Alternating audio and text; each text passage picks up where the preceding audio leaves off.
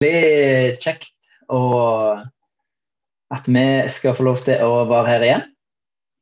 Eh, og veldig bra eh, og, at vi møtes, at dere stiller opp. Det, det, er veldig bra i disse tider her. Håper vi at vi snart får lov til å møtes igjen. Det hadde vært sånn fysisk, det hadde vært veldig kjekt. Men enn så lenge så er det her vi møtes. Og vi skal se litt videre på eh, dette her med møte med Jesus, som er vår serie da, som vi holder på med. Eh, før vi gjør det, så bare ber vi en kort bønn til. Jesus, vi har bare lyst å invitere deg inn i stovene her og der som vi sitter. Vi har lyst til å invitere deg eh, til å tale til oss, til å møte oss der vi er. Bare ber om at du skal åpenbare deg sjøl for oss. Ber om at du skal vise oss gjennom det vi skal lese, den historien vi skal dele, at eh, eh få lære mer om hvordan du møter mennesker, og hvordan du møter oss. Må du bare være nær oss. Må du bare gi oss et møte med deg, for det trenger vi, Jesus. Amen. Ja, vi, vi skal ha, se på historie om den det, Noen kaller det for den lamme mann. Det står ikke at han var lam, men eh, en sjuk mann da, ved Betesta-dammen. Og det som er greia med denne historien her, er at den er kanskje ikke helt eh, sånn som vi tenker oss. Den er litt spesiell, faktisk, på mange sett og vis. Eh, og Så kan dere godt finne fram Bibelen hvis dere det. Det er jo veldig koselig. Hvis dere vil finne fram Bibelen, skal vi lese fra Johannes kapittel 5, vers 1-15. Det er litt kjekt å kunne lese det sjøl, ha Bibelen. det kommer på skjermen, men det er en sånn fin ting å bruke sin egen bibel og ha den framme. Så hvis dere har det, så er det bare å slå opp i Johannes evangelium kapittel 5, og så leser vi vers 1 og til 15. Kan jeg bare dele skjermen mens dere finner fram?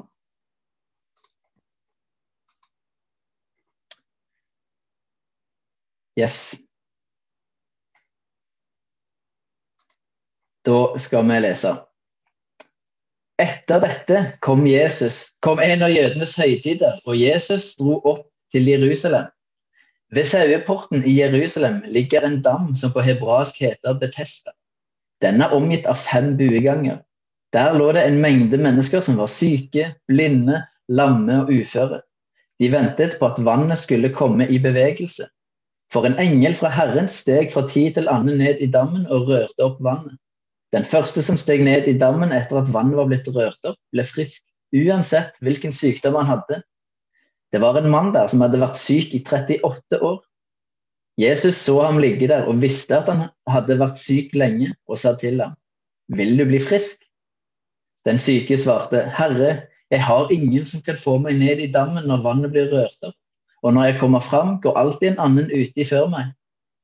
Da sier Jesus til ham, Stå opp ta båren din og gå. Straks ble mannen frisk, og han tok båren sin og gikk. Men det var sabbat denne dagen, og jødene sa til ham, som var blitt helbredet, det er sabbat, du har ikke lov til å bære båren. Han svarte, han som gjorde meg frisk, sa, ta båren din og gå. Hvem er det mennesket som sa at du skulle ta den og gå? spurte de. Han som var blitt frisk, visste ikke hvem det var, for Jesus hadde trukket seg unna. Det var så mye folk der. Senere fant Jesus mannen på dempelplassen og sa til ham, nå har du blitt frisk, synd ikke mer, for at ikke noe verre skal hende deg. Mannen gikk da og fortalte jødene at det var Jesus som hadde gjort ham frisk.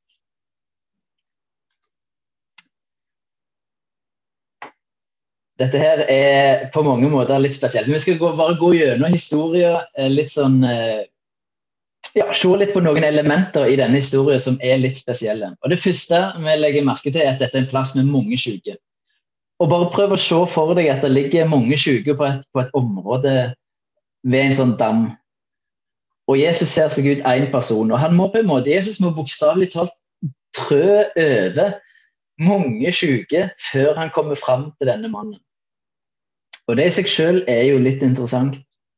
For som vi leste, så helbreda Jesus kun denne ene mannen. Han helbreda ikke alle. Det var mange som trengte helbredelse. Men han helbreda kun denne mannen. Kanskje kunne ikke Jesus helbrede pga. strategiske grunner, at det ville bli et oppstyr uten like osv. osv. Men likevel, det er verdt å legge merke til at Jesus kun helbreder den ene. Jeg skal ikke vi eh, spinne så veldig mye rundt det. Men så kommer Jesus i hvert fall til denne mannen som har vært syk i 38 år. Eh, og det er lenge. Kanskje er han den på den plassen som har vært syk lengst. På den tida så var jeg skal ikke si du var heldig hvis du levde 38 år, men ut ifra statistikken så var ikke det uvanlig at du ikke levde så veldig mye lenger enn 38 år. Og han har altså vært syk i 38 år. Og det er Det er ikke bare bare. Og han er så syk at han sliter med å bevege seg. Det er vanskelig for oss å egentlig sette seg inn i hvordan det må ha vært. Kanskje det er noen, eh, noen som her som kjenner litt til det å være syk over lang tid, kanskje kjenner noen. Men det er en tøff ting, da. Det er ikke bare bare. Og kanskje får vi et innblikk i hva det har gjort med denne mannen når Jesus spør han om han vil bli frisk. For hva ville det naturlige svaret vært når du har vært syk i 38 år og får spørsmålet har du lyst til å bli frisk? Så er jo svaret ja, jeg har lyst til å bli frisk. Men denne mannen svarer ikke det. Han begynner faktisk å skylde på alle andre som ikke hjelper ham. Og det er litt rart. Han skylder på andre. Det kan virke som mannen han forventer å ha blitt frisk for lenge siden. Og det er liksom andre sin feil at han ikke har blitt frisk ennå. Etter å ha vært syk i 38 år, så er det kanskje ikke unaturlig om du har mista litt håpet, eh, og at derfor svarer han sånn som han gjør. Men for meg så virker det som denne mannen faktisk er ganske sjølopptatt. Og det er heller ikke helt uvanlig når en har vært syk lenge, at en går litt inn i seg sjøl, eh, syns synd på seg sjøl kanskje, eller skylder på andre, eller et eller annet sånt. Alt fokus blir lagt på en sjøl. Og da er det lett å begynne å skylde på andre eh, som ikke stiller opp for deg, osv., osv. Men på tross av feil svar og vekkforklaringer, så sier Jesus da stå opp, ta båra di og gå. Og mannen blir helt frisk. Eh, og dette er litt viktig for meg å, å merke seg. Eh, mannen spurte ikke om å bli helbreda, og han viser ingen tro på at det skal skje. Mange andre plasser i Nytestamentet så leser vi at de som blir helbredet, at de hadde tru eller et eller annet sånt. Men denne mannen hadde ikke tru, og han spurte heller ikke om å bli frisk. Og så helbreder Jesus han likevel, eh, på tross av det. Og det syns jeg er nydelig. Jesus er, han er så konge, han er så fantastisk. Eh, han, han, bare gjør det. Selv om mannen ikke tror at det kan skje. Han har mista håpet, så helbreder Jesus ham. Og Nå skulle hun egentlig tro at historien er over, men det er den da ikke. For det Jesus har nemlig gjort dette på favorittdagen sin for helbredelser, nemlig sabbaten. Og Det er jo interessant i seg sjøl at veldig mange av Jesus sine helbredelser gir Jesus på sabbaten. Og det er ikke tilfeldig. Så denne mannen han bærer båra si og blir oppdaget av Der står jødene. Det er på en måte et annet ord for de religiøse lederne, sannsynligvis skriftlærde fariseere. Det er jo interessant å se hvordan de da reagerer på at mannen har blitt helbredet. For de viser null interesse verken for hvordan mannen har det, eller hva som har skjedd. Det som betyr noe, er at han har brutt loven. Og nå skal Det sies han har, det står ikke i Moseloven at du ikke har lov til å bære båre di på sabbaten. Dette var tilleggsbud. Ett av 39 som var lagd for å forsikre seg om at ingen brøt budet om at du skulle ikke gjøre arbeid på sabbaten. Så dette var egentlig et tillitsbud. Det står ikke i Bibelen at du skal ikke ha lov til å bære båra di. Og Hvordan svarer mannen da når han får dette spørsmålet? Når de konfronterer han med at du har gjort noe som du ikke skal på sabbaten? Jo, han kommer med nye unnskyldninger, og igjen så skylder han på andre. Denne gangen på Jesus. Det var Jesus som sa at det var han som helbredet det var han som sa jeg skulle gjøre det. Og så spør jeg da selvsagt hvem er han som helbreder deg, som ba deg om å bære båra di. Og da sier mannen at han vet ikke hvem det er, eller hva han heter. Og hva forteller det oss om denne mannen? Han har vært syk i 38 år. Og jeg kunne iallfall forvente at han var såpass takknemlig at han takket Jesus og spurte hvem han var, i det minste. Men det gjør han faktisk ikke. Han bare går, og han har ikke tatt seg bryet med å spørre hvem Jesus er. Han har ikke takket ham. Ingenting. Og igjen ser det ut som denne mannen er ganske sjølopptatt. Eh, såpass sjølopptatt at han ikke engang er takknemlig, eller viser takknemlighet. Og så kommer det noe som jeg syns er nydelig. For det står at Jesus senere fant mannen i tempelet. Og Når det står at Jesus fant mannen, så impliserer det at så kan det se ut som at Jesus faktisk har lett etter denne mannen. Jesus var ikke bare opptatt av at mannen skulle bli frisk, men Jesus så at her er det noe mer alvorlig i denne mannen enn at han faktisk er syk. Så Jesus finner mannen i tempelet. Mange tenker at mannen var i tempelet for å takke Gud, eh, men en annen mulighet er at han var der fordi han måtte. For Den tilleggsloven som jødene hadde, den tilsa at den som bar noe på sabbaten, måtte ofre for sine synder. Hvis ikke så skulle han steines. Ganske brutal lov. Så det er en god sjanse for at han var der, ikke fordi han var takknemlig til Gud, fordi han er nødt til å gjøre opp synda si fordi han har båret uh, si på sabbaten. Og Når Jesus finner han da, så sier han til henne nå er du blitt frisk. Synd ikke mer, for at ikke noe verre skal hende deg.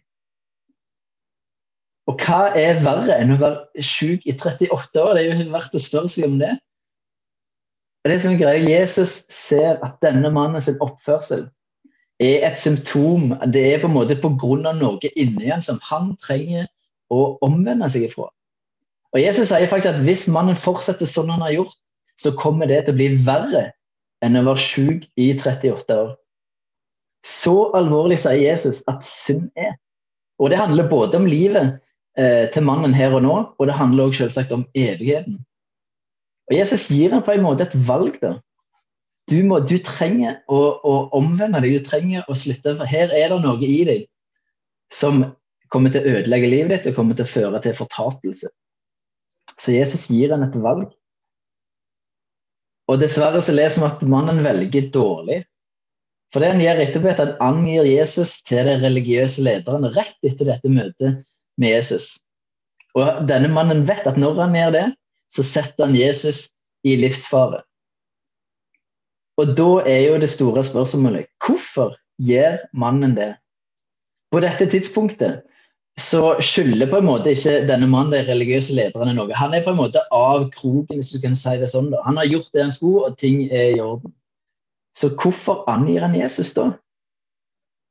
Han som helbreder han, i alle dager. Hvorfor, hvorfor angir han Jesus? Og vi kan jo egentlig bare gjette, men det virker jo som at dette henger noe sammen med den måten mannen har oppført seg på tidligere. Og det, noe, det, virker som dette er noe som ligger dypt i denne mannen. Det handler sannsynligvis om noe veldig grunnleggende. Jeg, for meg så virker denne mannen ganske sjølopptatt. Så kanskje tenker han at han vil få anerkjennelse av de religiøse lederne. At han vil få aksept eller få en slags status. Eller at han tenker at dette vil gjøre livet mitt lettest mulig. Det er strategisk. Dette vil være mest gunstig for meg hvis jeg angir Jesus til disse eh, lederne. Det er vanskelig å si hva det er. Det er jo for, for Noen godt kan diskutere i hverdagsgruppen om de, eh, i neste hverdagsgruppe. Men det er veldig rart. Og det er et eller annet et eller annet ikke bra som skjer i denne mannen, som Jesus har lagt merke til. At her trenger du om meg, og det er noe som, som styrer livet hans. Så hva forteller egentlig denne historien oss om Jesus, og hvordan han møter mennesker? Og hva kan vi egentlig lære av denne historien? Denne mannen som Jesus møter, har vært syk i 38 år. Det er lenge, og det gjør noe med en person. Men mannen skylder på andre. Han har ikke tro, han er ikke takknemlig, og han er sjølopptatt. Og allikevel så helbreder Jesus han.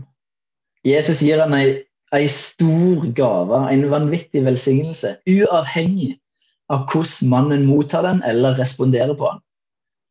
Og det er så nydelig. Jesus er bare så god og når jeg leser om denne mannen, så må jeg jo være ærlig og si at jeg syns det er vanskelig å like denne mannen. jeg, jeg syns han dette her det tenker jeg, Hvis vi møter en sånn Nei, dette er ikke bra. Det som han viser, og det som bor inni han, gjør at jeg syns det er vanskelig å like han. Men Jesus ikke bare helbreder han, men han oppsøker han etterpå av ren omsorg for mannens framtid og velbefinnende. Helt ufortjent. Og det, det er en sånn nydelig ting med Jesus. Den ubetinga kjærligheten som han viser oss. En kjærlighet som ikke er avhengig av hva vi har gjort, eller hva vi kommer til å gjøre, men for det vi er. Den er bare så nydelig. Og han gir denne mannen flere sjanser. Han gir oss alltid en ny sjanse. Selv om vi, han, vi ikke alltid tar vare på de sjansene. Men det er bare så nydelig hvordan Jesus møter denne mannen helt ufortjent. Og For meg så forteller denne historien òg noen viktige ting om både Gud og mennesker, i tillegg til det med Jesu godhet og ubetinget kjærlighet. En ting som jeg syns er viktig å ta med seg, det er bl.a. det med at helbredelse kan skje uten at den som blir helbredet, har noe tro. Mange har, har vært syke og fått hørt at eh, nei, du har ikke blitt frisk pga. at du ikke har nok tro. Men her har vi et eksempel på en helbredelse som skjer helt uten tro. Jesus han bare gjør det. Eh, og det er, det er, noe for meg som er noe veldig fint. da. Det er mange kristne som har sår pga. at de har fått hørt disse tingene, og som kanskje jeg tror i noen tilfeller kanskje ødelagt trua. Men her har vi iallfall ei, ei historie der, der personen som blir helbredet, den har ikke tru. Og det er litt viktig å ta med seg, tenker jeg. Selv om tro er en viktig ting, så betyr dette at tro er ikke det nødvendige for den som skal bli helbredet. Og så forteller det noe viktig om at Gud er opptatt av hele mennesket. Og hvis en ser litt sånn tradisjonelt sett, hvis vi setter ting litt på spissen, så har ofte de, det som vi kaller for liberale kristne, ofte vært mest opptatt av sosial rettferdighet, bekjempe fattigdom, eh, hvordan mennesker har det rent fysisk osv. osv. Mens konservative kristne har vært mest opptatt av at folk kommer til tro, og at det fysiske, hvordan folk har det, på en måte er mindre viktig. Helbredelser er ikke det viktigste. eller Det er viktigere at folk blir frelst enn sosial rettferdighet osv. Og, så kommer Jesus, og hva sier han? Han sier ja takk, begge deler. For Jesus så er det ikke bare vårt åndelige liv som er viktig, men hele livet vårt. Og det er syns jeg er en fantastisk ting med Jesus, som ikke alltid har blitt kommunisert så veldig bra. Jesus vil at vi skal ha det bra både i ånd og sjel og kropp. Han er opptatt av hele. Hvordan du har det på jobb, hvordan du har det med Gud, hvordan du har det inni deg, hvordan du har det med ektefelle eller venner, eller hvordan du har det på skole eller barnehage, eller hva det enn er. Han er opptatt av hele deg. Hele livet ditt er viktig for Jesus. Og Det er en fantastisk ting som, som vi bare må ta med oss. Den omsorgen som Jesus viser for hele mennesket. Og så forteller også denne historien at en stor helbredelse eller et sterkt møte med Gud, det fikser faktisk ikke alt. Mange av oss har kanskje tenkt det. Men denne historien viser at det er faktisk ingen automatikk i det. Vi må fremdeles ta et valg. Det som skjer i det ytre, vil ikke nødvendigvis endre på det som skjer i det indre. Noe denne mannen viser godt. Han får et enormt sterkt møte med Jesus, men det forandrer ikke livet hans. På det djupeste, på det mest essensielle kanskje, i forhold til eh, det som Jesus sier, at dette her er ikke bra. Han sier at det er nesten bedre om du har det vondt inni deg enn at du blir helbredet, selv om han er opptatt av begge deler. Men det å bli helbredet i det ytre eller få et sterkt møte med Jesus, det forandrer nødvendigvis ikke livet vårt. Det er fremdeles ting inni oss som vi trenger å ta bevisste valg på. Dette trenger jeg å omvende meg fra, dette trenger jeg å ta tak i, dette trenger jeg å gi til Jesus. Han må få slippe inn i dette området. For det er det egentlig Jesus inviterer denne mannen til. Han har ikke lyst til å bare helbrede han fysisk, han har lyst til å helbrede han innvendig. Men det gir denne mannen han slipper han ikke til. Og Det er et viktig, et viktig element som vi må ta med oss. Vi skal absolutt glede oss når folk blir helbreda, når det skjer sånne ting. Det skal vi heie på, og det skal vi fronte. Det skal vi ja, det er nydelig. Men så trenger folk faktisk å ta et valg òg. Jeg trenger å ta et valg. Du trenger å ta et valg. Eh, både daglig, men òg de som ikke har kommet til tro, trenger å ta et konkret valg. Om de blir helbreda, så betyr det nødvendigvis at de kommer til tro.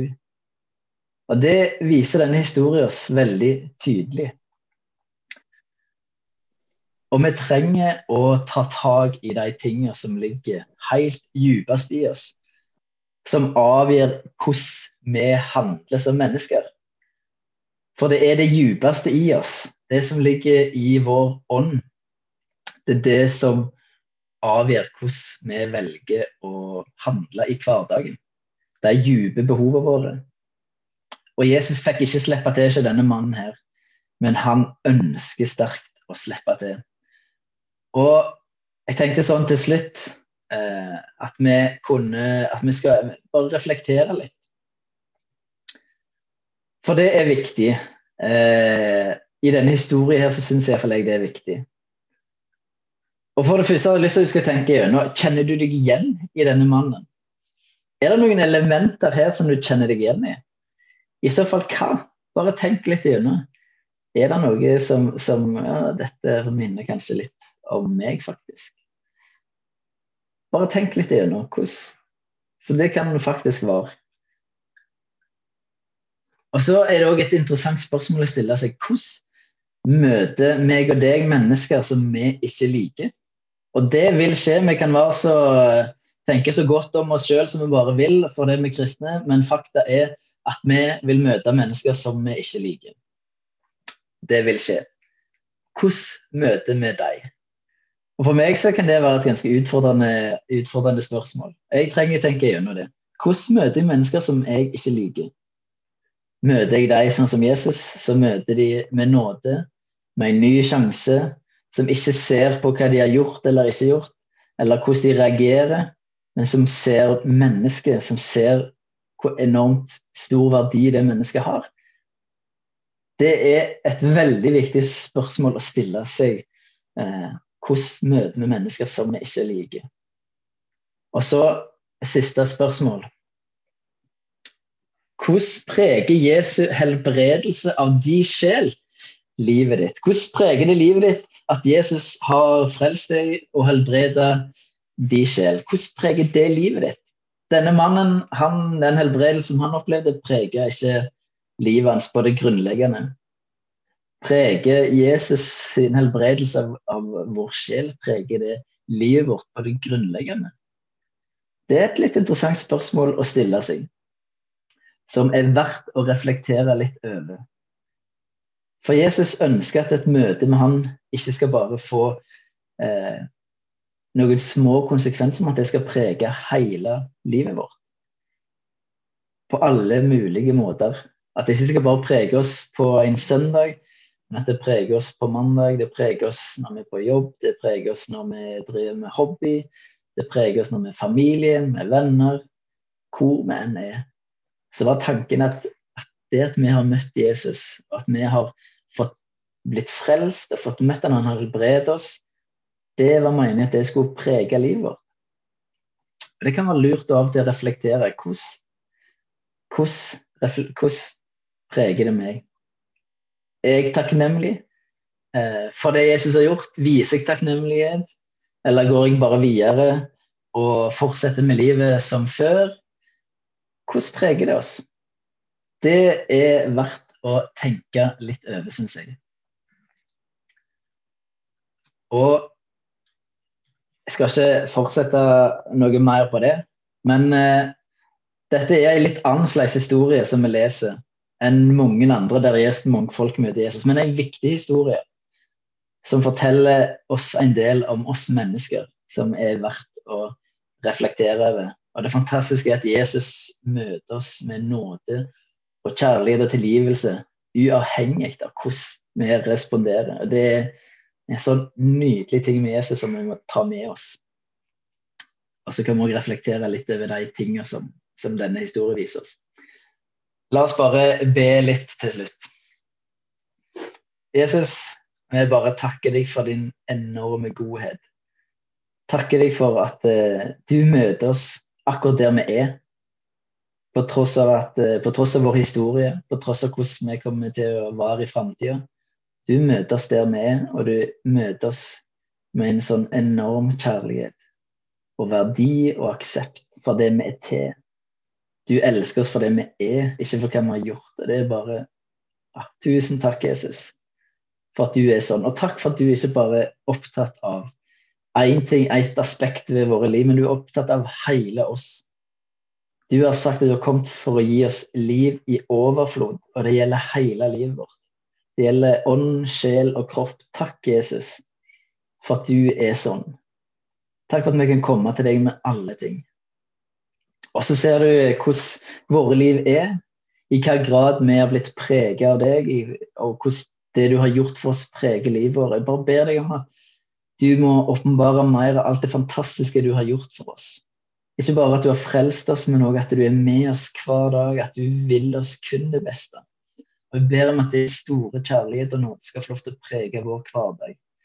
Eh, prege oss i måten vi handler på og er mot møte andre mennesker og er mot vår familie, venner og alt dette her. Bare ber om at du skal få prege oss. At du skal få prege Ulsteinvik frikirke, sånn at vi igjen kan få lov til å prege Ulsteinvik. Bare ber om at du skal la det skje. Ber om at du skal velsigne Ulsteinvik.